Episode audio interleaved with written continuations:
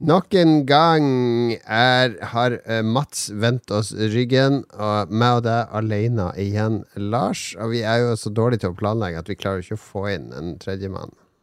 Nei, det, vi venter til siste liten. Kommer Mats? Nei, oi. Det var uventet. Sånn er det å være busy. Jeg kan informere om, uh, kjære lytter, at uh, sveppergaver er nå i, på fabrikken. Blir produsert og burde ankomme Oslo-kontoret om uh, ja, en ukes tid. To uker, kanskje. Da blir de sendt ut fortløpende til alle som er svepper på Patrion. Så er du ikke svepper, så har du muligheten til å slenge deg på nå, bare for å leache en gave nå til høsten. Hva er, hva er cutoff? Er det 1. september, eller hva er liksom Nei, annonser, Vi kan annonsere det i våre sosiale medier. Ok, ja vel. Følg med i sosiale meierier. Der kom det plutselig uh, sånn her Gamescom Opening Night Live-musikk her. Jeg må slå den av. Ja. Fordi vi sitter og spiller inn nå rett før uh, min gode venn. Det, og det må man alltid si hvis man har vært på scenen sammen. Så er det jo min gode venn Jeff Keeley som skal uh, lose oss gjennom hva er det her, Alan Wake 2 og en, del andre ting. Ja, det blir Jeg visste ikke at det var skjedde engang. Du vet ingenting lenger. Så vidt du visste at det skulle skje heller. Det var en sånn uh, Destiny Showcase nå klokka uh, Hva heter det? Klokka seks.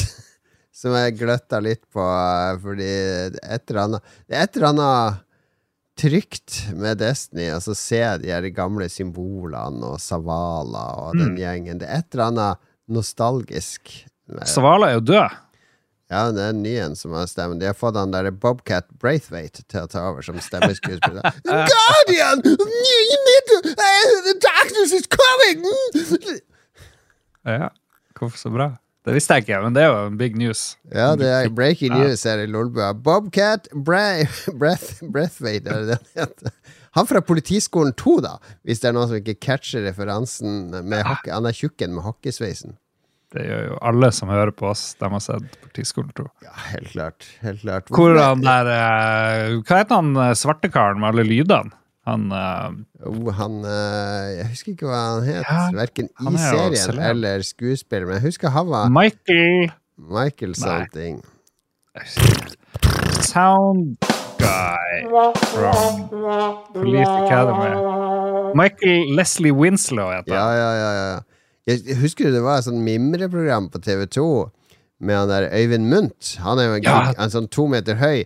Så hadde de sånn Mm. ulike tema. Det var I ene episoden så hadde de fått han som gjest. Og det er jo, det er jo, det er jo hans karriere er jo å lage sånne lyder. Det var så bra. Jeg likte da han le lekte at han var i sånn asiatisk film som var dubba. Så han sier noe, «Øy, øy, øy, øy», Og så snakka han mens munnen sier noe annet. Ja, ja, ja, ja, ja. Altså likte vi jo alltid når eh, de klarte å lure han derre sure politiløytnanten og han eh, dumme assistenten inn på homsebaren. Ah, det var stor humor på 80-90-tallet. Det var innafor på 80-tallet. Det er- Vi har jo vært på homsebar, vi, Lars. Det er jo ikke sånn at hvis du går inn på en homsebar, så blir du automatisk eh, antasta. Sånn er det ikke.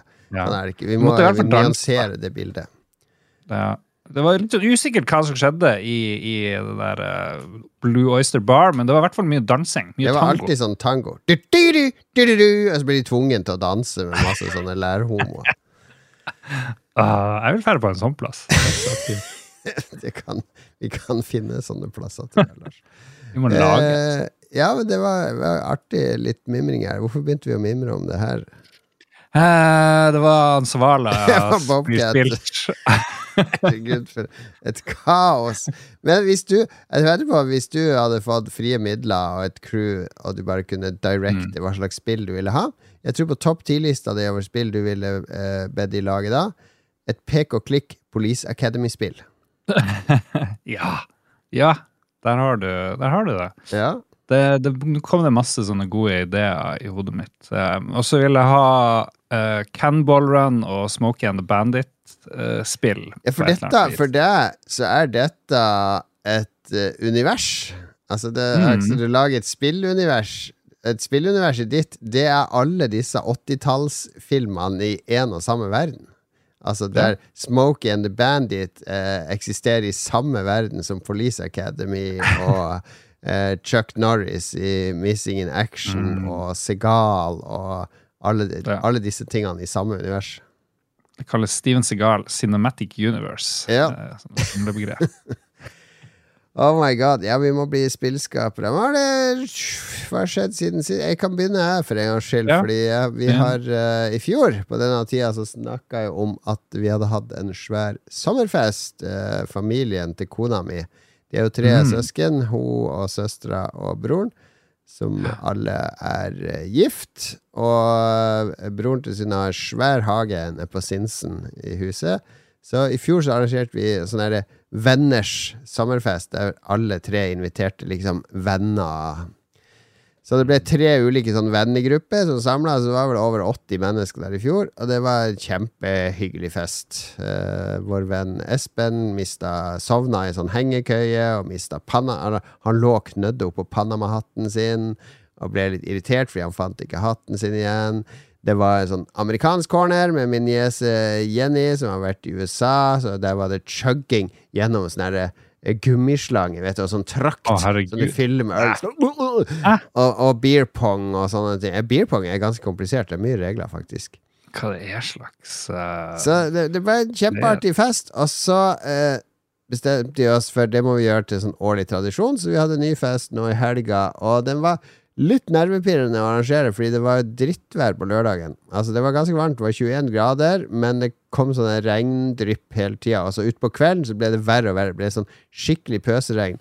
Så da, vi hadde jo rigga opp skikkelig solide partytelt med vegger, så vi kunne rulle ned når været ble for ille. Og så hadde jeg flytta DJ-settet litt ut i et av de teltene, ikke inn i garasjen, sånn som det var i fjor. Og det var veldig gøy. Jeg spilte musikk i flere timer, det var dansegulv, og det regnet la ikke noen sånn stor demper på stemninga, fordi når teltene var så tett, så ble det så lunt og koselig mm. i teltene, så for, det ble sånn skikkelig intimt. ok, Det ble ikke sånn svett. Liksom. Nei, egentlig ikke. Det var akkurat passe temperatur. Eh, så Nei, det Stressende helg, da, fordi vi hele fredagen er jo opprigg. Og så er det fest hele lørdagen, og så er det nedrigg hele søndagen, og frakte telt og dill og dall. Mm. Men uh, vel verdt det. Eh, den sommerfesten Du må komme deg på den sommerfesten et år, Lars. Sommerfest. Hvem av mine bekjente kom på sommerfesten? Det var jo vår venn Vidar, uh, ja. lakseoppdretteren, og eh, Ja. vår venn Tore var der. Han er jo med, selvfølgelig mer skeptisk til alle sånne nye eh, Han er jo den mest skeptiske av oss. Skal Ja. ikke eh, oppleve nye ting. Så, så eh, tvang han til å komme på den sommerfesten. Storkoste seg. Dro, var vel der til klokka fire om natta, tror jeg. What? Jesus, så Ja. bra. Og, Tore som aldri eh, lar seg intervjue i, i podkast. Nei, nei, nei. Og eh, Kjetil og Ruben var der og Dette er jo folk fra hytteturen. Så eh, solid oppmøte fra mine venner. Veldig, veldig bra. Hvilken gate ligger festen i? Er den gata på monopolspillet, er det jeg tenker på? Nei, den er ikke med i Monopol. Det er de eneste gatene jeg kan i Oslo. Det er det. Er det på Karl Johan? Er det på Sinsen? Trosterudveien? Av en eller annen grunn så fikk jeg opp sånn liste over de mest verdifulle gatene i Monopol. Ja. Og en av de dyreste er Ullevål Hageby, men det er den nest verste gata. Så tenk på det neste gang du spiller Monopol. Hold deg unna Ullevål Hageby. Ja, der, er der Harald Eia og Kjetil Rollnes De bor jo på Ullevål Hageby. Ja, det sier jo litt. De burde ha studert Det, studert. det som er rart i Monopol, det er at Parkveien eh, Mm. er en av de billigste gatene, og det er jo den som går rett bak Slottet. Det er jo Parkveien. Det er helt absurd at den skal være Det er urealistisk. Ja, og det er den absolutt minst uh, sånn gata du bør ha. Det er nederste Parkveien, så Ullevål Hageby. Ja. Og så har de ikke fått med seg det jernbanegreier, for det er jo nå Vy og Bane Sør, og det er jo splitta opp i masse forskjellig. der. Mm. Monopol, kast det spillet over bord. Sommerfest var bra, og så var det veldig gøy å være DJ igjen. Eh, Gleder meg allerede til hytteturen vår eh, i slutten av Mm. oktober, Larsen. Og masse ferske, morsomme ting med på DJ-dekket. Ah. Ja, det blir bra. Det blir bra, jeg gleder meg òg. Ja, du var DJ. Ja. Ja. Var det Big Beat? La meg gjette. Ja, jeg kjørte, vi kjørte litt sånn der uh, kommersielt, så vi blanda inn sånne Boney M og ABBA og Jeg er fornøyd, jeg klarte å mikse ganske bra sammen. Det er jo ingen som gidder Det er jo ingen som egentlig hører på at DJ-en mikser ting sammen, bortsett fra andre DJ-er som sier ah, ja, ok, ja, det var smart, det var en god overgang, og ja, han gjorde sånn, ja. Ja, han dempa den, altså. Ja. Og, eh, men eh, som, når du står der sjøl, så er det veldig tilfredsstillende å gjøre sånn. Så jeg klarte å holde på dansegulvet og kjøre på. Så det ble ikke sånn veldig tung house-musikk lenge. Litt innimellom, bare sånn svinge innom her, og så svinger vi tilbake til noe mer dansbart, allsangaktig. Ok. ok. Nå fikk jeg lyst til å høre på de her DJ-tingene jeg tok opp forrige hyttetur. Jeg tror ingen har fått høre det noe særlig av våre lyttere. Det er jo timevis med dansbar eh, samling. Men det, det får komme. Jeg hører folk klage. Jeg hørte Ragequit helt tilfeldig her i dag. Ja, Og da kom det klaging på at det bare er Ragequit-folk i Roffelbua. Og det må vi vet. gjøre noe Vi må steppe opp det, Lars.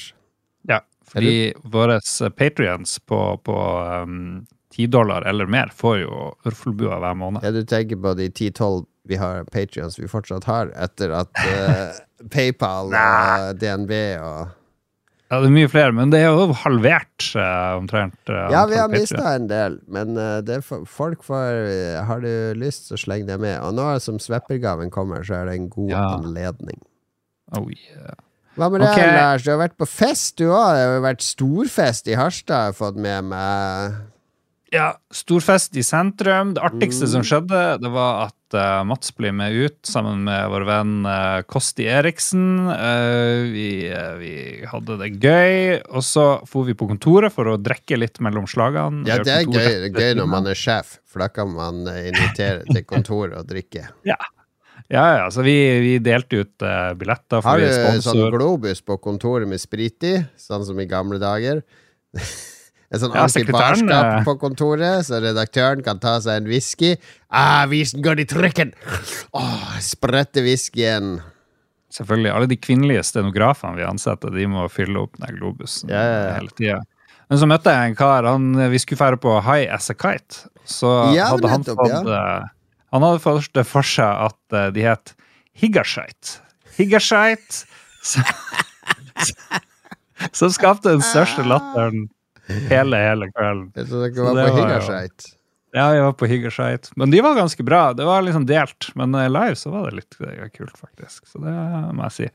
Eh, Men det store som har skjedd i livet mitt, det skjedde jo i dag. Jeg skulle Ja. ut et ærend i tolvtida, og så ser jeg en kar sykle av gårde. Og så plutselig så bare kollapser sykkelen hans, han holder på å dette, han må bare gå av. Så bare slenger han fra seg sykkelen, og så begynner han å halte slash eh, humpe av gårde. Så det ut som, jeg vet ikke om det skjedde noe i det hele. Og så kommer ei dame springende etter, og så skjønner jeg jo. Eh, hjernen min legger to og to sammen. Ah, Her er det en, eh, så måtte jeg jo spørre har han stjålet noe, og så så jeg rundt hushjørnet, men da hadde han liksom vært var borte. Så, men jeg så ansiktet hans, og han så litt sånn merkelig på meg. Ja. Tenk at du har rana noen, og så blir du liksom ferska, Ja. og så kollapser sykkelen. Og det han hadde stjålet, det var jakka som vikla seg inn i hjulet, sånn at han måtte abandone hele sykkelen. altså. Det var ikke Egon Olsen eh, vi hadde å gjøre med her, altså. Men uh, når politiet fanger han, da lager de en sånn lineup med seks stykk, og så må du peke ut Ja, det var han. Var- ja, nei, vi måtte jo diskutere på Har de sånne lineups, eller er det bare på film? Nei, men jeg kjente jo Jeg tror jeg kjente igjen fyren. Nå blir jeg sikkert drept eh, ja. hvis han hører på det her, men eh, jeg følte jeg kjente han igjen. sikkert lolbua litt. Sa det til hun butikkdama, og så ringte politiet litt senere på dagen og lurte på om hvem det var jeg trodde det var. Så jeg sa ja, det så nå veldig ut som han. Og Mats, sa du. Mats, Farvel. Mats Rindal. Mats Rindal Johansen. Nei, det var, var, var ikke han. Det var ikke han, Men det var noen andre vi kjenner. Nei da, det var ikke det. Måtte hvis kom det sånn der uh, kar bort med sånn tegneblokk, og så måtte vi skulle ha øynene litt tettere sammen, litt mer buskete øyenbryn. Ingen lineup. Ingen lineup og ingen eh, sånn der artist. Ingen sånn- Ingen fantomtegning. Hva er dette for politi?! Altså, I dag så har jeg Mm. irritert meg på radio, den der Emilie Eng og justisministeren. De driver jo og skal gjenåpne sånne distriktskontorer som politiet ikke Nei, vi trenger ikke flere kontorer, vi trenger flere folk. Ja, ja. Ja, så jeg har irritert meg over det. Jeg syns jo at Senterpartiet bør gå til valg på at fantomtegning og sånn der uh, suspect lineup, det skal tilbake i politiet. Altfor lite av det. kommer til å gå veldig dårlig med Senterpartiet i det valget her, altså. Og delvis Arbeiderpartiet. Så det blir jo interessant. Det blir litt på. interessant. Da får du nye sjefer nede i Oslo. Nei, der er det. Hvem er det som styrer der? MDG og Ja, altså det er jo Strengt tatt så er det jo bystyret som bestemmer. Og bystyret er jo alle som Mm. blir valgt inn. Og så er det et byråd som setter retning og politikk, men det, alt det de skal gjennomføre, må jo godkjennes av bystyret. Så Ja, det er litt sånn det, de en sånn, det er en sånn regjeringsløsning som de har i noen eh, kommuner. ikke sant? At det, Ja, det- ikke, det er ikke som i et vanlig jo- kommunestyre hvor du sitter og har alle stemmer overalt. ja, nei, I Her har du Oslo liksom så er det jo mer, mer som en regjering. Altså, I tillegg så har du 15 bydeler med bydelsutvalg, som også har en del makt i dette. Det er jo de som eh, effektuerer tjenester. Det er et komplekst byråkrati. Ja, Nå mista vi alle, alle, lyttere. Ja, vi får hente de tilbake med litt musikk fra Bajonetta.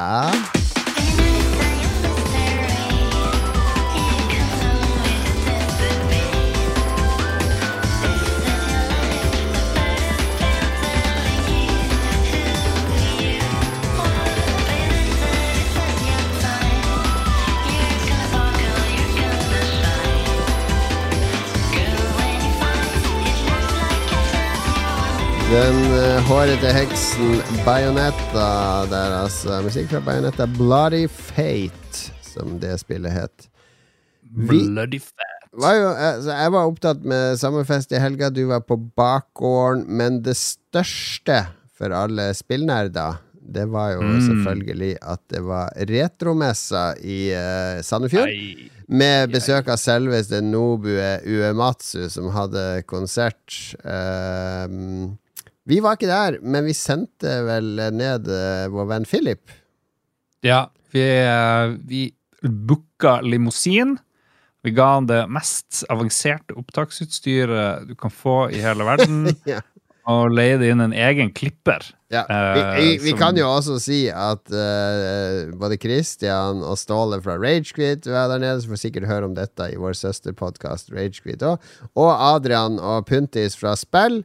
De følger kanskje ikke Vær varsom-plakaten, men de lager content fra den messa hvert eneste år, og er veldig gode til å samle communityet sitt der nede. Mm. Fått Ja. mye morsomme snaps fra hotellrommet til Dito, der det visstnok var nachspiel uh, oppå Adrian som prøvde å sove. Mye bra Adrian-snaps. Det Ja, ja, deles i uh, Patrion only eh, Hva heter det for noe? Snap-gruppa. Det er Ja, fantastisk. Lolbua Snap-kompisgruppe. Eh, Ja. Sjekk ut Patrion hvis du er hypp på å bli med der. Så ble det spilt inn uh, Roffelbua, men den kommer uh, kanskje denne uka? Jeg vet ikke. Ja, vi får se. Vi får se. Men, men vi, vår, vår mann der nede var Philip, og han, uh, han Jeg rakk ikke å få gitt han en H6, men han hadde en egen opptaker som var litt ymse kvalitet. Så du har faktisk klart å, å snekre sammen uh, noen minutter fra hans opplevelse der nede. Ja, det er, det er en, eh, et smørgåsbord av eh, inntrykk der vi møter Ståle og Philip. De har vært på sånn der Nobu Uematsu-panel. Det var han som var den store Final Fantasy-komponisten. Ja, ja, ja, ja, ja, ja. Han som har laga den derre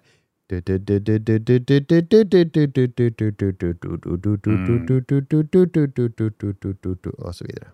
Ja, han har møtt eh, Level Up-Carl, eh, som også er veldig stor Final Fantasy-fan. De går veldig dypt ned i det her. Og så uh, gjorde Philip snikopptak av nerdelandslaget, som spilte inn og greier, hvor Philip også var med. Så det, Mm. det, det skal folk få høre. Ok, enjoy. Vi ser hvor lang tid det tar før de merker at jeg driver og tar opp. Bare sånn for moro skyld, selvfølgelig. Ja, men jeg svette fra øyelokket. Nice! Nå er du jo opptaket hos Ragequid, og jeg er på Lolba. da. Ah, ja, ok. For, ja, det, er ikke, det er ikke så subtilt når du gjør sånn her, tenker jeg. Men jeg tenkte jeg skulle være litt sneaky og stelty, og så liksom bare sånn Hallais! Du kan klippe vekk dette her, da. Ja, men da må jo noen klippe det. Ja, Hvem er det som klipper, da? Det er jo ingen som kommer til å klippe det. Det kommer ikke til å brukes til noe. Hva skjer da? Åssen var uh, praten med Uomatsu? om- Uomatsu var, eh, var helt ålreit. Eh, Hvis jeg får muligheten, kommer jeg sikkert til å rante om det i Lolbua, holdt jeg på å si. Fordi det var jævlig gøy å være i rommet med han. Og utover det så var det et litt dølt panel. Ja, hva, hva, hva, hva? Fordi han pratet, det var bare piss, liksom? nei, det var liksom Det var to ting. Den ene tingen er at uh, Ok, først og fremst vil jeg bare si at det å lede et panel med flerspråklige på en måte deltakere og oversettere, det er jævlig vanskelig. Det er ingen enkel sak. Men den det, det, det fløyt ikke nødvendigvis så godt. Og så var spørsmålene som ble stilt, de var ofte relativt sånn Eh, og Litt av poenget for meg er at nå er Ue Matso her, og vi kan spørre han om ting som vi ikke kan finne på Wikipedia. Som vi ikke kan google oss til så ble det selv. Og det er en del av de spørsmålene som er sånn Hvis du googler navnet hans, så, finn, så, så finner du ut disse tingene på en måte. Så for det meste så var det liksom ja, gjentagelse av historie og sånne ting. Eh, men det var en del kule greier innimellom hvor de fortalte liksom litt om hvordan de jobba for å komponere nye låter, hva de fokuserte på, hvordan de brukte inspirasjon fra andre sjangere og sånne ting. Så det var en del interessant sånn sett, men, men det hadde potensial til å være mye mer, da. Nå er neste på agendaen, det er konserten. Det er konserten i kveld. Men da, da burde du få lagt den mikken en eller annen plass, så du får med deg mye av den. Ja. Du, den tanken må du jo ha. Du må legge den eh, Når du kommer inn, så legger du den ved Ja, et eller. Så vi får liksom eh, får dette her Så vi kan utgi det på sånn der bootleg. For det er jo ingenting som er mer bootleg enn lo- Lolbo. Nei, og japanere er veldig glad i det at vi bare stjeler ting og gir det ut. Ja, ja, spesielt de. Ja, det er det veldig hypa på. Ja, ja. Men eh, og så var det et par Og så var det bare to tid til liksom to spørsmål fra salen. Og jeg, jeg og Pynta snakka om dette i går, ikke sant. Og begynte bare sånn Å, jeg lurer på om jeg skal spørre om dette. Og det var noe Troms Info lurte på om han skulle liksom spørre om han kunne signere armen hans, sånn at han kunne tatovere signaturen. Kul greie og sånne ting. Men det som jeg sa i går, er at jeg håper er at alle de spørsmålene som kommer fra salen, at det ikke blir bare sånn Hei, jeg er sjukt stor fan. Vil du bare informere deg om at jeg er sjukt stor fan, liksom. Og det skjedde jo på en måte med den første, liksom. Det var en kul dukke, dukke og sånne ting, liksom. Det var en kul gave han fikk, liksom. Men det var liksom, du har anledning til å stille han et spørsmål, til å liksom grave ned i han for antakeligvis den eneste muligheten du har i hele ditt liv. Og så benytter du den sjansen til å si at jeg er kjempestor fan, jeg digger det du lager, her er en gave. Og Jeg elsker når Philip er litt sånn eh, agro-engasjert. Det liker jeg best. Ja, men jeg satt jo der og spratt opp og ned med kjempebra spørsmål. Og, Og så er det det som blir brukt. Ja, og så ble det ikke Men, eh, men fikk du stilt noen spørsmål? Nei, jeg fikk ikke stilt noen Hvor- spørsmål. Hvem var det som valgte deg? Var det fordi du har sagt noe om Jan, da, kanskje? Ja, antageligvis. Ja. Men uh, nei, det, det var bare hvite som fikk svare på spørsmål. Jeg la jo merke til det. Men, men er, nå er jo, nå er To jo, japanere er jo kjent for å være litt rasistiske. Ja, det er jo det. Ja. Så det kan jo være helt bevisst valg, det. De er sikkert ikke, glad i, ikke like glad i dere heller, men jeg er nok enda lenger ned på stigen. Cake er nok lengst på sti den stigen. Ja, så jeg den, rett hår i eh, tillegg. Så. jeg er rett, er over de mørke Det er så vidt! Rett under, vil jeg påstå. Ja, det er jo din Ja, Denne diskusjonen her kunne vi ikke hatt med noen andre enn Philip. bare så det er sagt. Så Denne diskusjonen her vil jeg bare i, i, Det er Ja. fint å ha det kortet, sånn at ja, man kan kortet er- være litt rasistiske, og så er det greit, liksom. Carl, vi har nå nettopp opplevd noe masse live. Det har vi. Ja. Eh, jeg, jeg tror det er teit å spørre om det lever opp til forventningene, for det gjør det åpenbart. på en måte. Ja. Men, eh, men liksom, hva, hva sitter vi igjen med av følelser etter å, etter å ha sett det? Jeg sitter igjen med at eh, hver gang de tre første notene i 'Melodies of Life' spiller, så knekker jeg sammen. Det er det jeg sitter mest igjen med. Og det morsomste er at, eller morsomste er at du er jo langt fra alene om å gjøre det i den salen her. Ja, si. det er- Her er det jo blodfans. Uh... Det, det føles som å sitte i en svær sal med likesinnede. Det, Ja, ja nei, det var, eh, det var, det var gøy. Altså, jeg, jeg forventa mindre. Ja. Jeg forventa kanskje en time konsert, kaste inn noen Fine Fancy-låter, men mest spille liksom sine egne eksperimentelle ting. Ja, sånn, ja. Ja. Men eh, det var jo to timer med, med alt mulig, på en måte. da. Mm. Og vi har satt og fanboya litt over dette historiefortellingsgreiene. ja, det var uventa. Ja. Hva, hva var det for de som ikke så det? Nei, det var jo eh, fikk, ja, Han fikk en forteller opp på scenen, på en måte.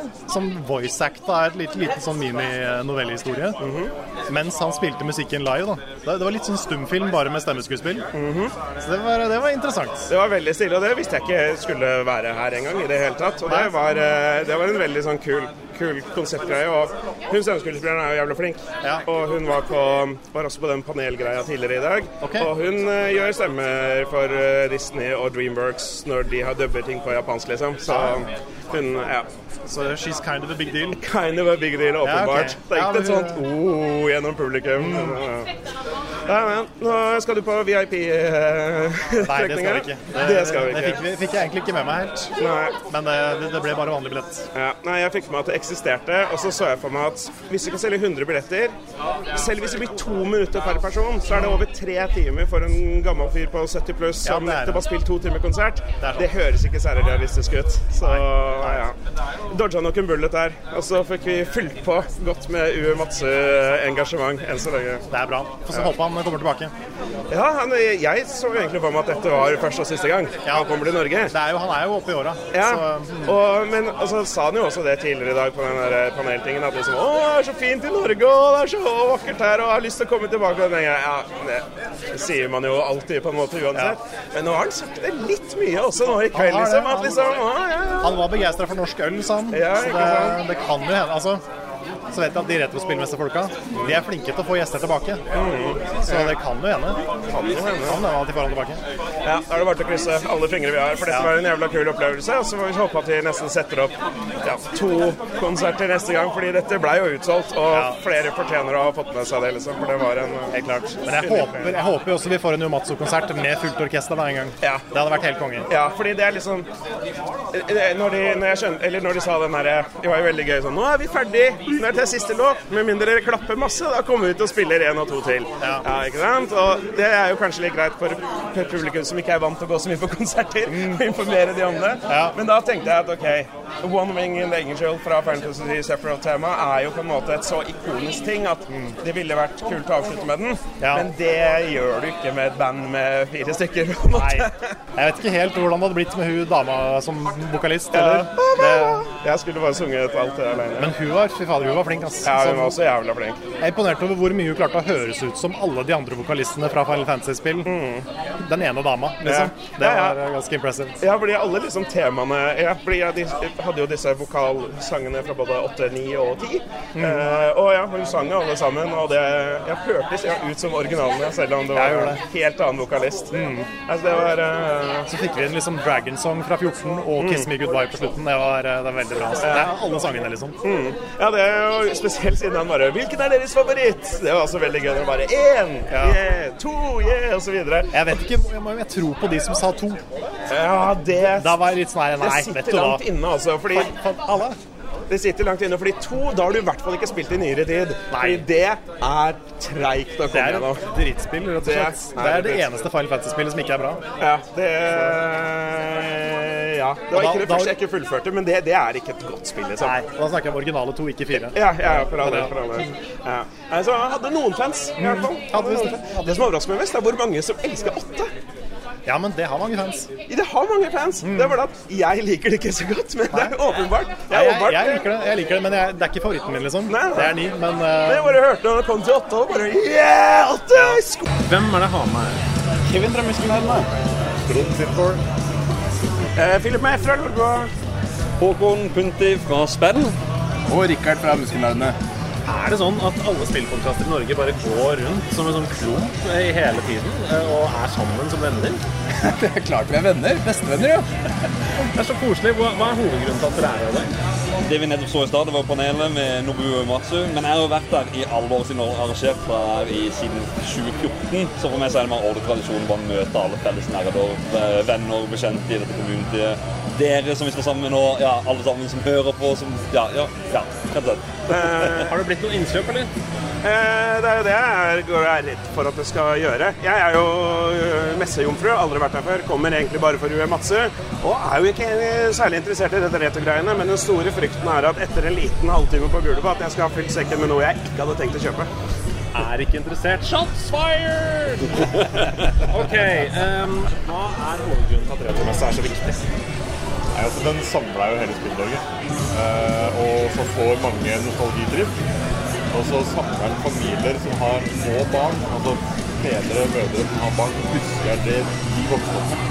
Og da vil de vise barna da, rett og slett. Og, og du har jo alt spekteret fra veldig tidlig 80-tall helt til 2023, eller 2023. Så du, ja, du, du har alt da, på ett plan, rett og slett. Er det noe som har inspirert dere her i dag til å ta med i podkasten framover? Det blir jo utenom Uematsu, da. Han er jo en stor del nå, for meg i hvert fall. Som vi kan komme til å ta med. Var det noe som kom i panelet som var Altså svarte han på noe gøy, eller var det noe deg? Svarene i panelet? Ganske mye. Stort sett alt handla om sine. Det syns jeg var veldig gøy. G- Generelt sett så tok panelet for seg mye ting som du kan Wikipedia. Ja. Eh, som, som for så vidt er litt kjedelig, men det er selvfølgelig noe helt unikt med å høre han sitte og fortelle det, og spesielt med resten av bandet om hvordan de, hvordan de samarbeider, og hvordan de fant sammen, og hvordan de liksom fokuserer på å være venner og ha det hyggelig i tillegg til å lage kul musikk. Da. Så det er, det er veldig artig å høre det rett fra ham. Det var ingen som spurte om han foretrekker ananas på pizza. Ananas på pizza er jo helt konge! Oi, oi, oi. Med det så er vi nødt til å avslutte dette intervjuet. God stemning nede i Sandefjord, det må vi vel si. Veldig god stemning. Jeg gleder meg spesielt til å høre hvordan det gikk på den der eh, roffelbua. Der tror jeg ingen overlevde. Jeg tror alle er døde, for å være helt ærlig. Jeg tror det. Vi skal snakke om hva vi har spilt siden sist, og eh, Følte du litt sånn ansvar i vår, eh, på vår eh, discord her om dagen, Lars, når en lytter posta bilde av eh, eh, Trails eh, Hva heter det her, JRPG ditt? Trails from Legend of Zero. Heroes, Trails from Ja, Zero. en lytter posta bilde at han har blindt begynt å følge anbefalingen dine, Lars, og har begynt å spille det nå, etter at du hadde så vidt kommet deg gjennom tutorialen. Ja, nei, det er jeg, jeg, jeg trenger ikke noe mer enn tutorial for å anbefale et spill. Jeg har spilt litt mer nå, men Nettopp, ja, eh, for du, er, du fortsetter på det spillet, så det er faktisk et spill som falt i smak.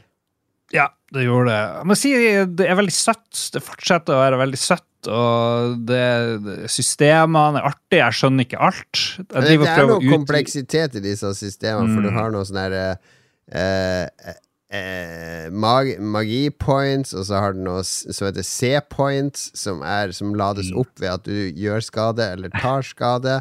Og så har du noe sånn Mm. komboangrep som plutselig, ah, plutselig kan alle angripe som en gruppe.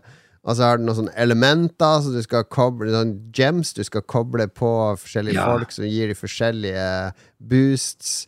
Så det er en kompleksitet bak den søte fasaden.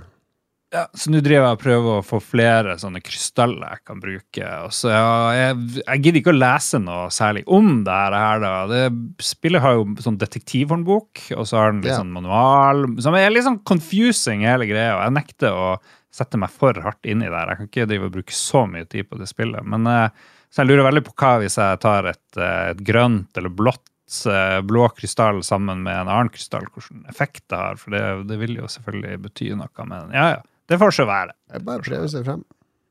Ja. Nei, så jeg har ikke sånn kjempemye news, men jeg koser meg med Legend of Heroes. Ja, ja nei, ja, det, eh, du overbeviste meg òg, så jeg også har begynt å spille det på Switchen på senga. Og Ja. Det er et veldig koselig spill. Ja, det er gøy å være politi. Det er mye Ja, mer det, koselig. det, det er gøy, den, den gang, Jeg elska jo JRPG. Når vi oppdaga JRPG, husker du, på 90-tallet? Eh, det var jo Mm. Final Fantasy 7-traileren. Og så begynte vi å se på Super Nintendo, som hadde Krono Trigger og Final Fantasy 6. Og det var en hel verden av en ny type eventyr som åpna seg. Så jeg drev og spilte veldig mye av disse gamle. Jeg har Mm. den der gamle stilen, den 3D-isometriske stilen, sprita, alt det der, er, det treffer meg rett i hjerterota. Og det er nesten et pluss at det er litt sånn halvdårlig grafikk.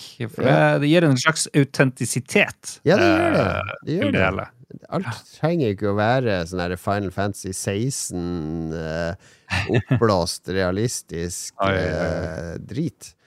Sorry, Ja. sorry.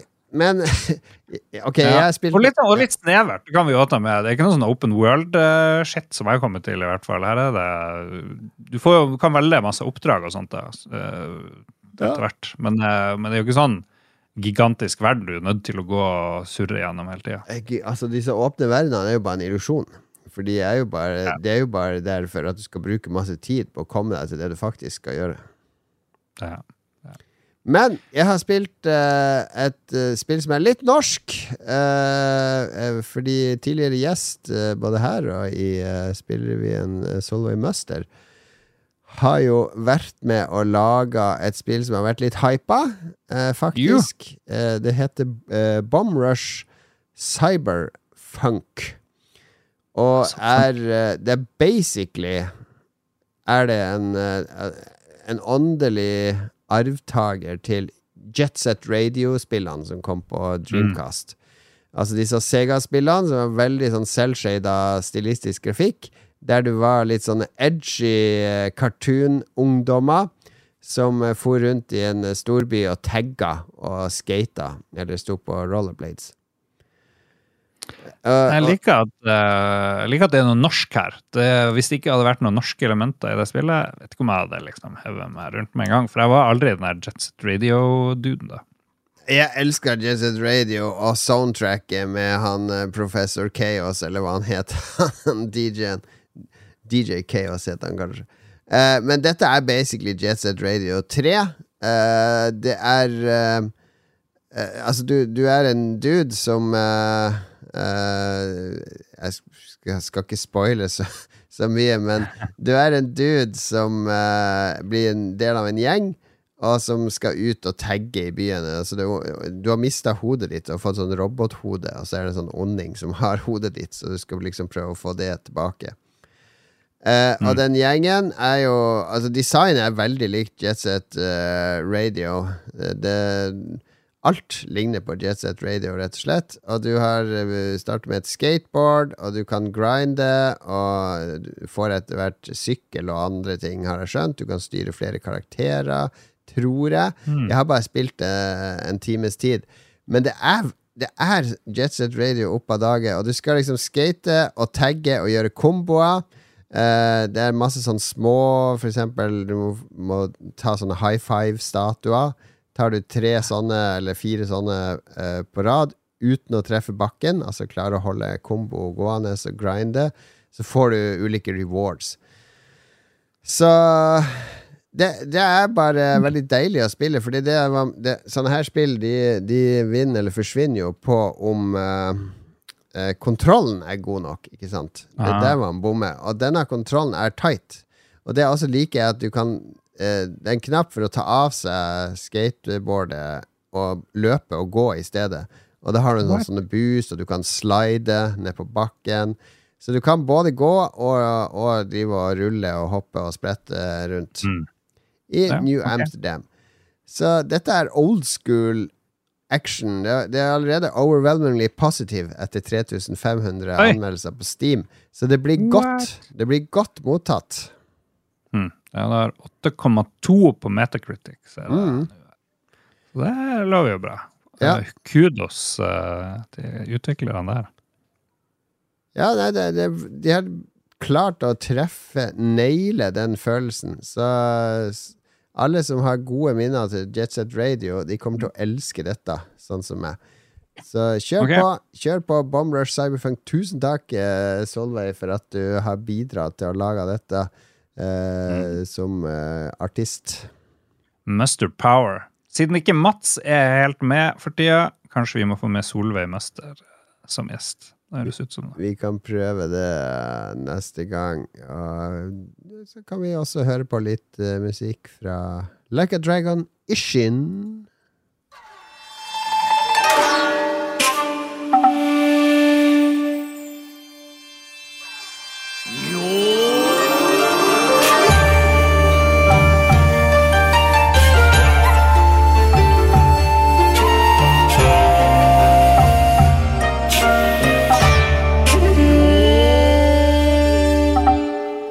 バカみたい子供なのね」「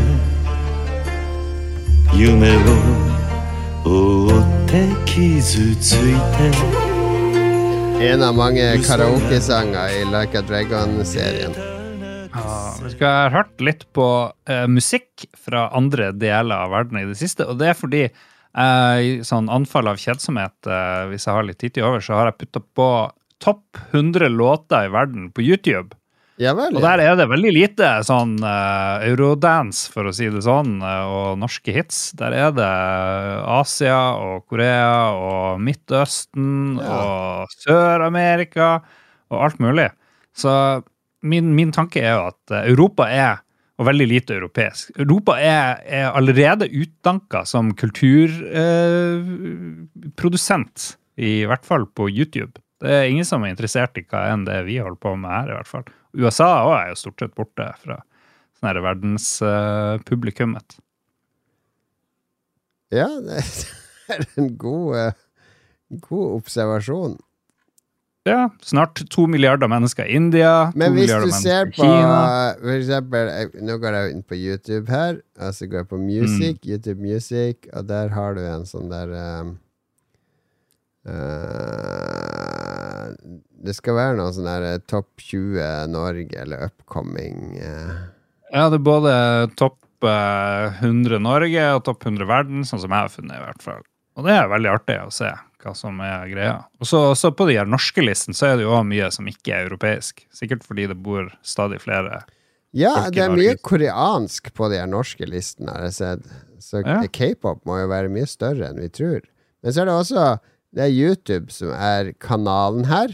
Eh, mora di, går hun inn på YouTube når hun skal høre på musikk? Eh, veldig lite. Hun, Ja, nettopp. det- så ja. dette er Mm. kids, fortrinnsvis, som hører på musikken sin på YouTube. Er det det? Ja. Er det ikke det?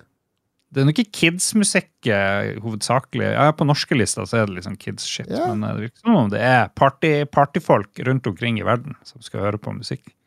Sett dem på YouTube og kose seg. Men jeg har ingen empiri. Kun spekulati. Spekulati holder i massevis i lolbua. Er det bare det, det er kun japanerne som har denne vokalen her. Den der, eh, er ikke det. Den, den her jeg tenker på. Den der eh, Kommer nå.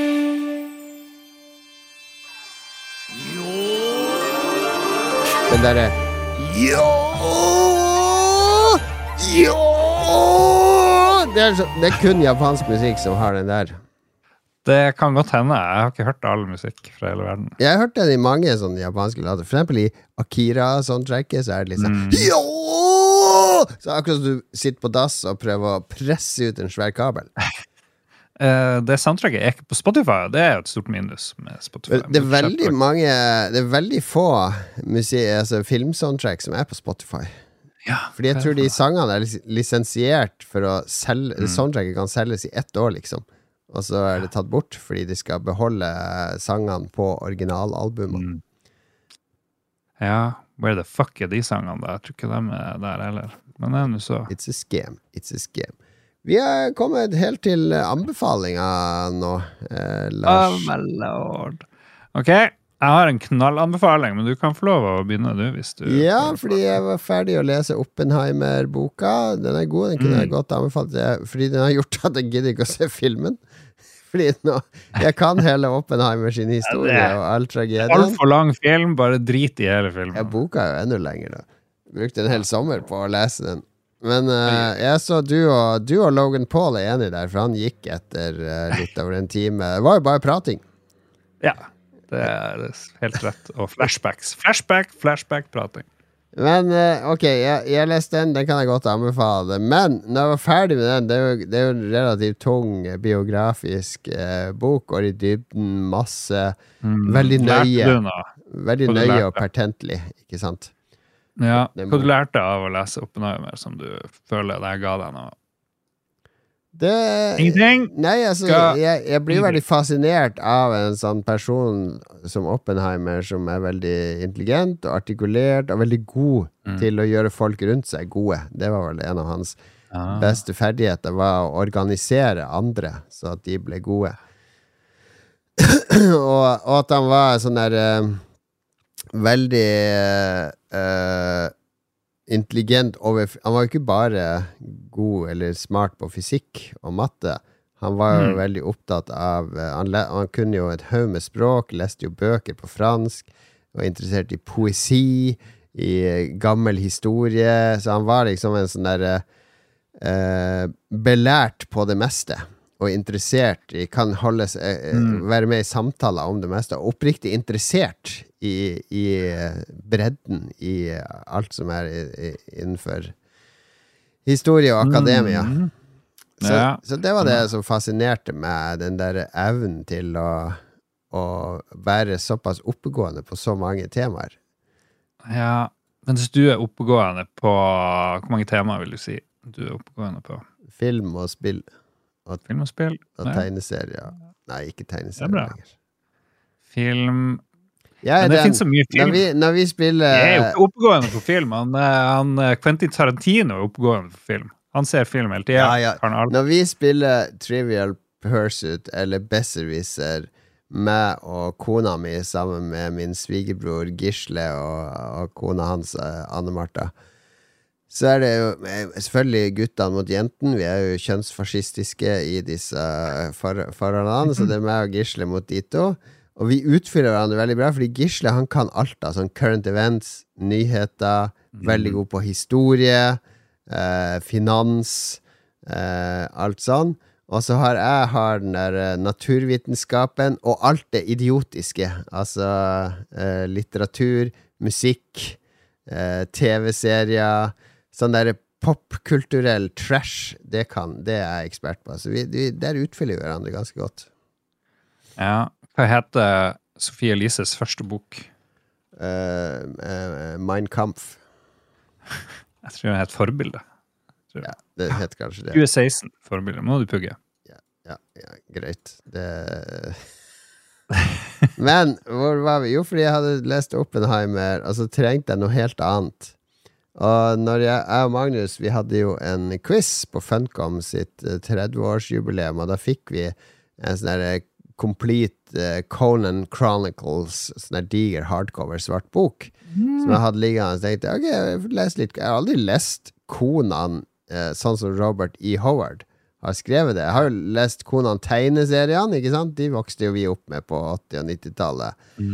eh, som er adopsjoner av Robert E. Howard sine eh, eh, Han har skrevet både Ja. romaner og noveller om Conan, og lagde et svært univers, ikke sant, som Conan Ja, var en del av. mytiske slanger, lite klær Ja, eh, trollmenn, ulike nasjoner, herskere.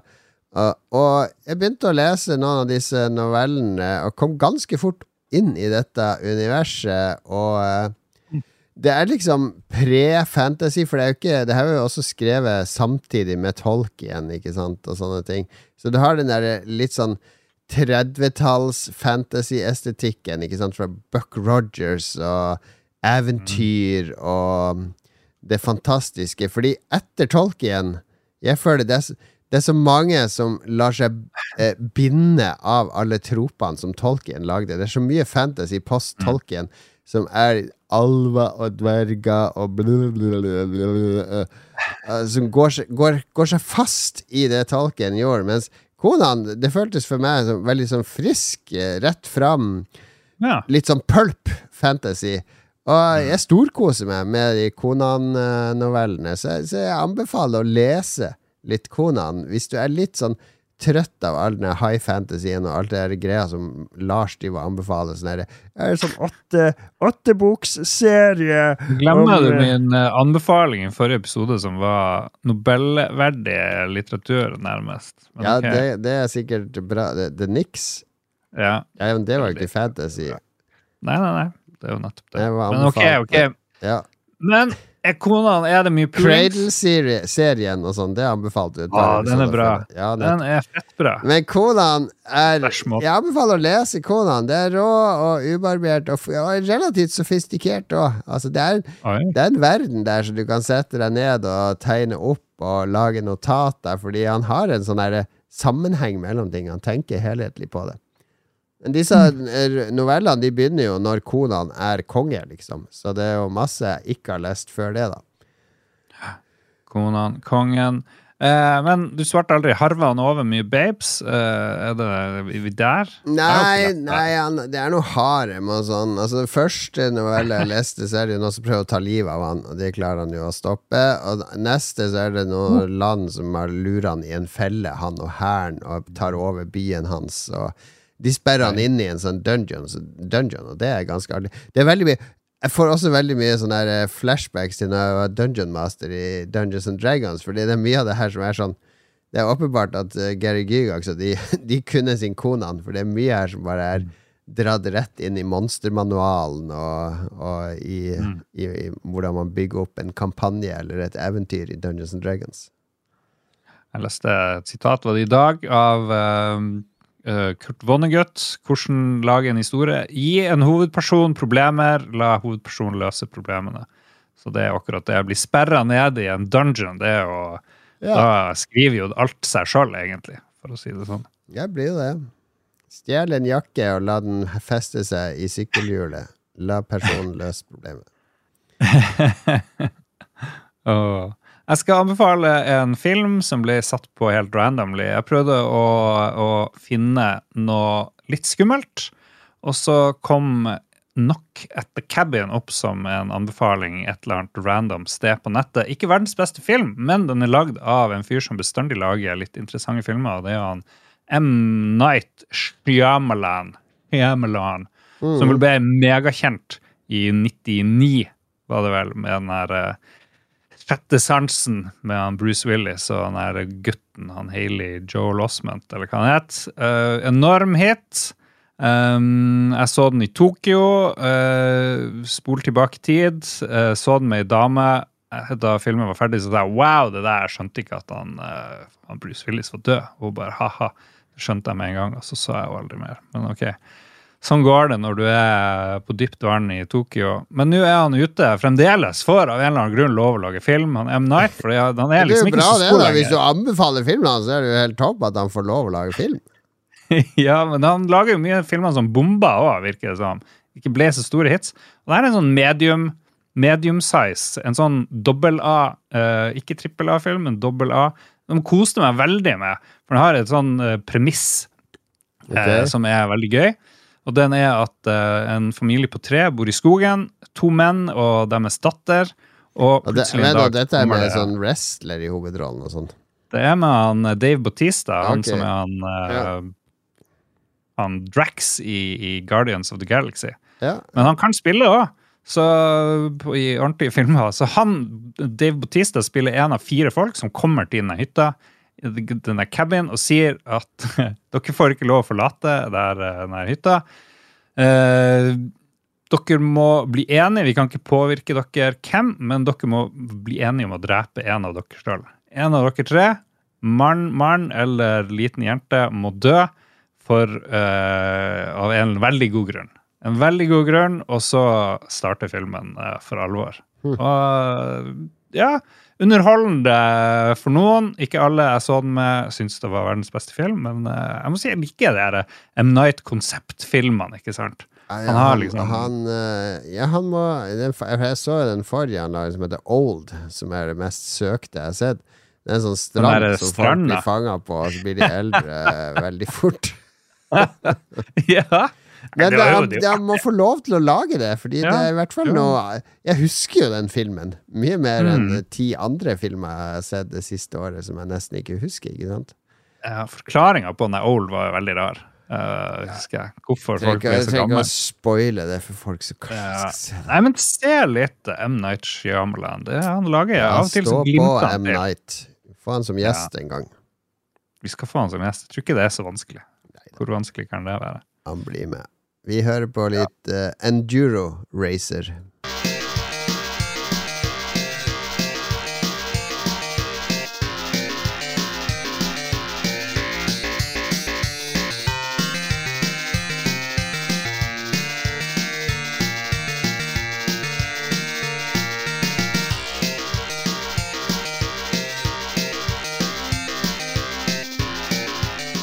Nå sitter eh, Bill Gates i det pre-showet til Gamescom og rangerer favorittspillene sine, ser det ut som. What?! En ung Bill Gates. Og en ung Bill Gates. Ok, ja vel. Hva likte en ung Bill Gates, mon tro? Var det et, før eller etter han lagde Xbox, finansierte Xbox? Det, Det var da han sa at 640K ought to be enough for anyone. Evig, evig ungt sitat fra Bill Gates. Evig Nei, det er en sang. Ok, vi, du har huska å be om uh, lytterinnspill? Ja, det Ja det. er hyggelig. Vi må bare finne det her. Vi må finne hva lytterne vil at vi skal snakke om. Mm, mm, mm. What do the Skal vi se. Stefendish Rønstad vil høre vår beste røverhistorie. Og definisjonen på en røverhistorie er vel en, en eh, historie som ikke nødvendigvis er helt sann, tenker jeg. Ja, det, det har han hørt mye av allerede gjennom 460 episoder. Nei da, vi er som regel så snakker vi sannheten. Men jeg har, jeg, jeg har jo jeg ble jo eh, lokka til å stjele da jeg var ung, hvis jeg skal ha en sånn ekte røverhistorie. Ja, når vi gikk på Seljestad, og så var det jo Domus rett over gata, eh, som var en sånn stor matbutikk. Og så hadde jeg en kompis som var eh, Han var litt sånn der uh, på kanten av uh, Ja, han likte å gjøre litt sånn halvulovlige ting. Ha, Mangla noen grenser. Så Hvem han- vi snakker om her? Nei, vi kan ikke eh, si navnet. Han er jo i live fortsatt. Bor, bor jo oppe i Harstad. Men han uh, Han, han Det er sånn du blir liksom der Når du er elleve år, så blir du jo liksom sånn der lokka med for du blir redd for Ja, å ikke være en del av gjengen og ditten og datt. Men jeg husker vi var inne på Domus, og så jeg fikk at vi skal stjele sjokolade. Vi skal stjele, av vinteren, så putta jeg sånn sjokolade i votten min. Eh, husker ikke hva slags sjokolade det var. en. Japp eller noe sånt.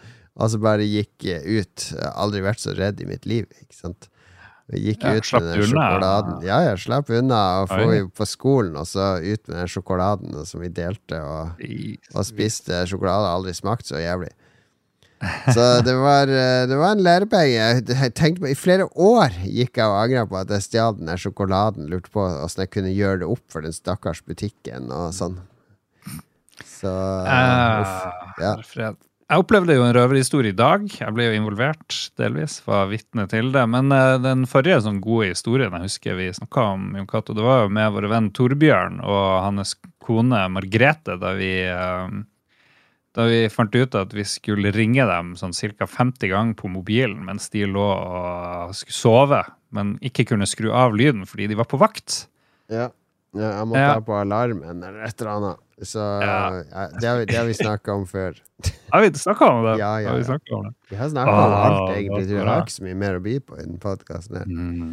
Gunnar Ferhagen vil at vi skal snakke om cocaine bear. Hvilket dyr i Mm. norsk mm. fauna ville tatt seg best ut med masse kokain innabords?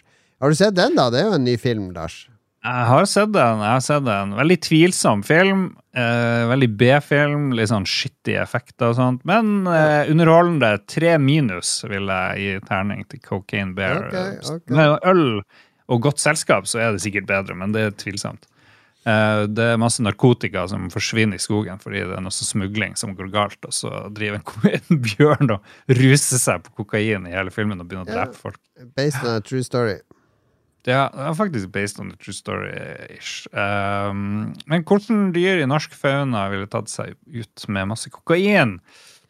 Ja vi, Elgen er jo liksom skogens konge her, her Ja, til lands. tenk om kongene ville følt seg med masse kokain oppi det digre nesegrevet. Ja. Det kunne vært uh, Elgen. Der har du nye norske horrorfilmer. Cocaine Moose. Cocaine Moose.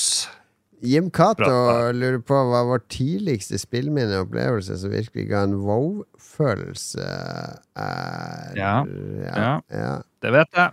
Du husker, husker du ditt første Eller, jeg husker ikke. Altså, det Ja, første var jo Pong på en sånn hurtigbåt som jeg ikke spilte, men bare Mm. så på og prøvde å skjønne. Men eh, det som ga sånn skikkelig wow-følelse at dette må jeg holde på med, var vel Bluemax på Commodore Mhm. 64. Blue Max, ja. Første spill jeg fikk, det var jo Killer What. Ikke- årets spill, for å si det sånn. Men uh, det helt greit. Det var den der Crowther som lagde det. Um, hvis jeg husker rett. Det må sjekkes. kanskje Killer, Killer What? What? Ja. To ord. Killer What C64. Eller var det Killer Whale? Jeg husker ikke. Jeg tror det var Killer What. Skal vi se. Killer What i ett ord, faktisk. Killer What Står det hvem som har lagd den? Er det bilspill? Alligata Software. Alligata? Det var sikkert han Tony Cro Anthony Crowther, var det da. Ja. det Han og broren Ja. Tony lagde jo mye rart. Ja. Eller Anthony er jo kanskje Tony. Han bare korta det ned etter hvert.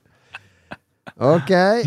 Ja, der fikk han svar på det. Vegard Lindland, hva tenker vi om at Microsoft skal kunne fjerne tilgangen til Xbox-spillbiblioteket man har kjøpt dersom man gjør noe ulovlig? Det er vel ikke sagt noe om hvilke lovbrudd det er snakk om, men det viser jo bare atter en gang at vi ikke eier det vi kjøper digitalt. Det har vi sagt, det har jeg sagt i alle år, at det du kjøper når du kjøper et spill digitalt, det er en lisens til å få Mhm. tilgang til det spillet.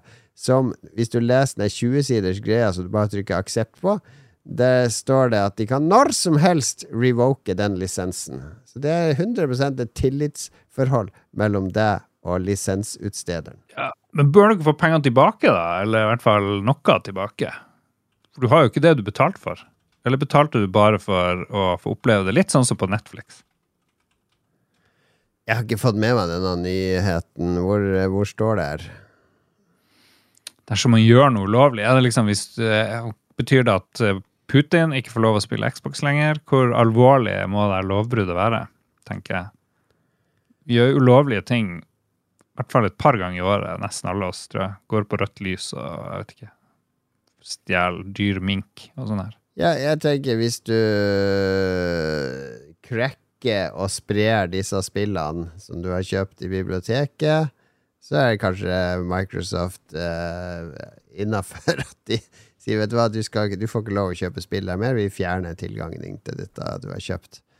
Men hva annet ulovlig er det man kan gjøre? Er det snakk om å, å kalle noen for eh, N-ordet i Overwatch? Skal du da lik, liksom miste spillene dine, eller jeg vet ikke. Hva? Jeg klarer ikke, jeg har ikke peiling. Hvordan skal vi finne ut av det her? Jeg klarer ikke det. Jeg klarer ikke å finne det. Plutselig skal vi se. Vegard Strande, Cyberpunk DLC. Han vil at vi skal spille om Cyberpunk DLC. Jeg har ikke spilt en time engang, det første Cyberpunk, men jeg tror jeg eier det. Jeg er det midlertidig på Ja, eh, det er det spillet jeg gleder meg mest til i høst, er jo å spille Cyberpunk på nytt når den DLC-en kommer, fordi de har jo reworka hele spillet og skill-systemet og politisystemet og NPC-systemet og alt. Eh, Det, det, de, det virker som det nesten blir eh, en helt ny, raffinert spilleopplevelse, så jeg gleder meg noe helt enormt. Jeg lasta ned uh, nyeste Nvidia-driveren i dag med DLSS 3,5, som er klar i Cyberpunk uh, på launch. Det blir magisk! Det blir magisk, Lars. Har har du gitt helt opp uh, Baldersgate 3, da?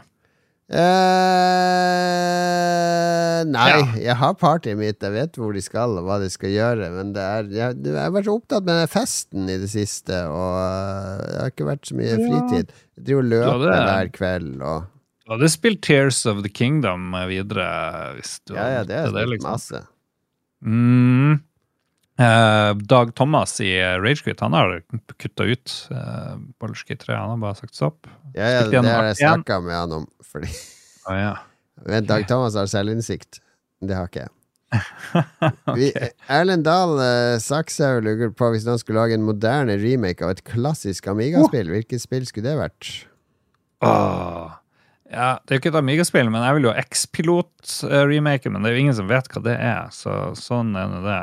Um, mm. Amiga Classics, la meg se hva er De har jo remake av Monkey Island, det var jo en stor suksess. Jeg vet ikke hvor mange andre Amiga eh, Lemmings har kommet på mobil. Jeg vet at han eh, Christian Tjessem spiller det mye. Jeg lasta det ned, jeg fikk ikke helt eh, helt opplegget der. Mm. Ja, Hired Guns, uh, Jon Cato. Der har du uh, spillet Ja, den som kunne vært remaka. Den er jeg enig i. mm. Ja. Ehm, noe Jeg tenker at eh, Skal vi se her Canfodder hadde vært morsom med en remake, for det var et veldig morsomt spill fra Bitmap Brothers. Og kanskje Pinball Dreams og Pinball Fantasies. Uh, nå snakker du Nå mitt snakker språk vi. her. Nå snakker Det var jo Disse er en del av Steven Seagal uh, multiverset ditt. ja. Åh. mm. Jarle Haktarsson Ja, det kan vi jo ha. Ja. Jarle Haktorsson, uh, min gode venn uh, i Sunnhordland, uh, brettspill klubb der jeg spiller når jeg er på besøk der borte. Lurer på om vi egentlig har lyst til å ha spill i fremtiden som er helt fotorealistisk.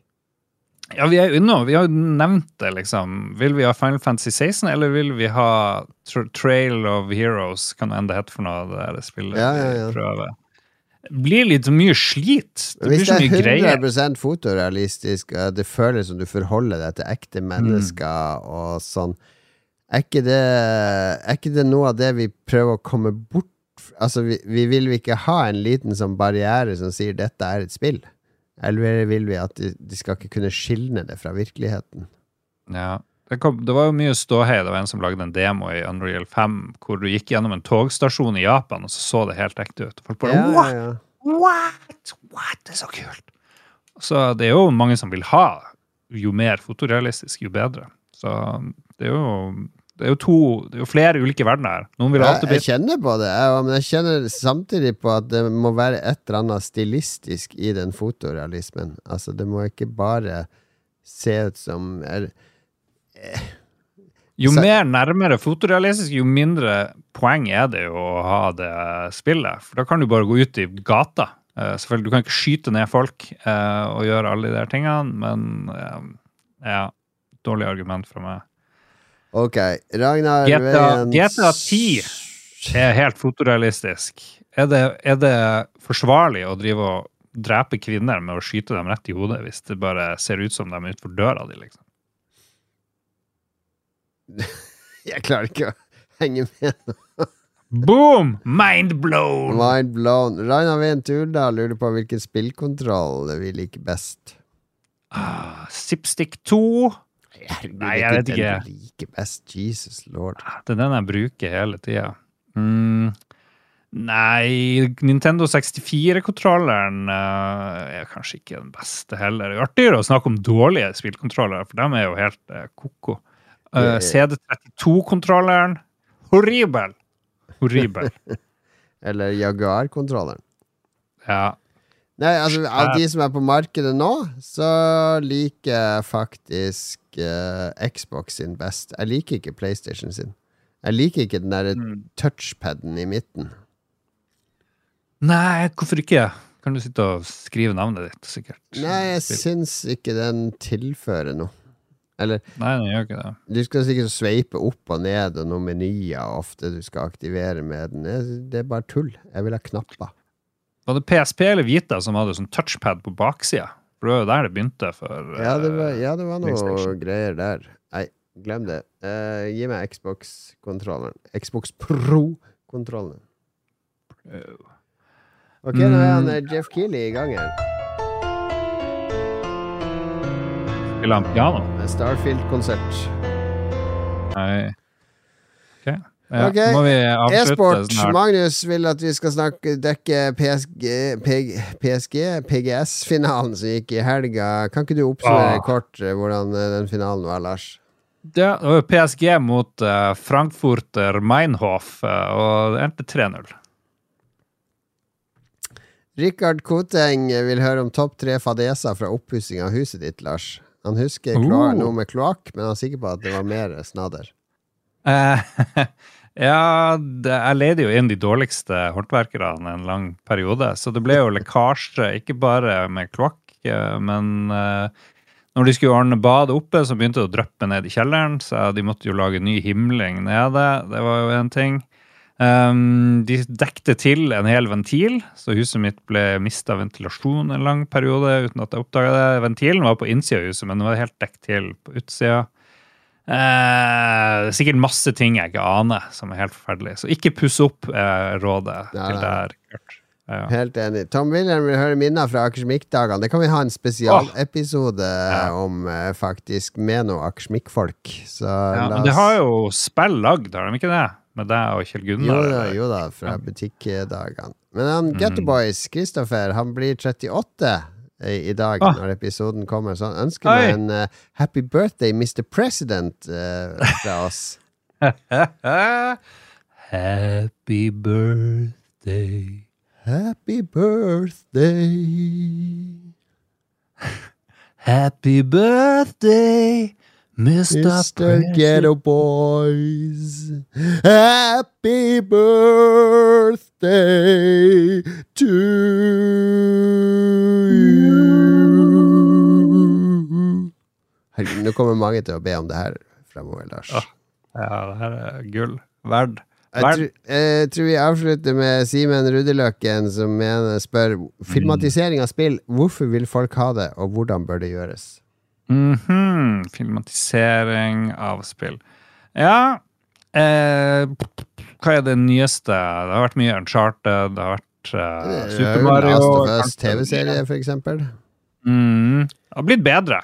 Det Det som, det som man må gjøre, er å ta utgangspunkt i den verden som er skapt, og så lage noe helt eget i det. Se på Mandalorian sesong 1.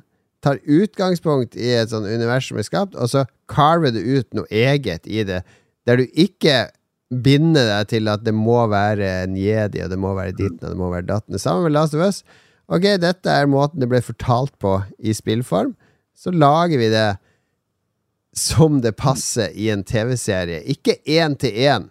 Og ikke fyll det med fuckings referanser som skal få de der gamernerdene til å sitte «Øh, det, kjenner jeg igjen fra spillet. Øh!» Det skal ikke være masse sånn in-jokes for at eh, gamerne skal eh, nodde i approval. Det, du skal gjøre det til en helt egen greie. Du skal ta grunnkonseptet, grunnideen, og så videreutvikle det eh, uten å la deg hemme av at det skal ligne mest mulig på spillet. Ja, og så kommer Super Mario-filmen, som gjorde akkurat det du sier man ikke skal Ja, det, gjøre. det er Ja, dritt. Milliarder. Det er oppskrytt dritt. Det er mye bedre Dennis Hopper-filmen, for da tok de utgangspunkt i Mario-universet, og så gjorde de det til sin egen greie. Mm, jeg vil ha Lars von Trier lage uh, Returnal-filmen. Det er jeg klar for. Herregud, det hadde vært bra. Da får vi takke våre to eh, produsenter, Lars. Skal vi se.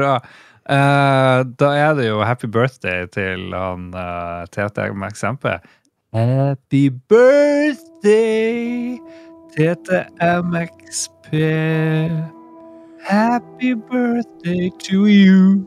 Og en god bursdag til Duk Jarlsberg! Vi svinger seidelen og sier skål, skål, skål! Skål! Det var det vi hadde for denne litt sånn der eh, Litt sånn mellomepisode, dette, vil jeg si. Litt mellomepisode. Ja. Ja, det- er terningkast tre er bra, det òg. Uh, hør på Ragequit, hør på spill, hør på Jostein Hakstad, hør på uh, Nerdelandslaget.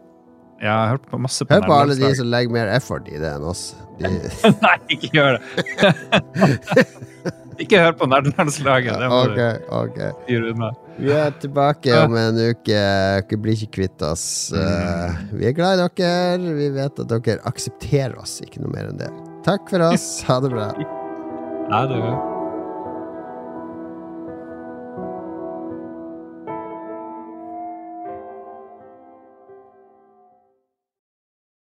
Har du et enkeltpersonforetak eller en liten bedrift? Da er du sikkert lei av å høre meg snakke om hvor enkelt det er med kvitteringer og bilag i fiken, så vi eh, gir oss her, vi.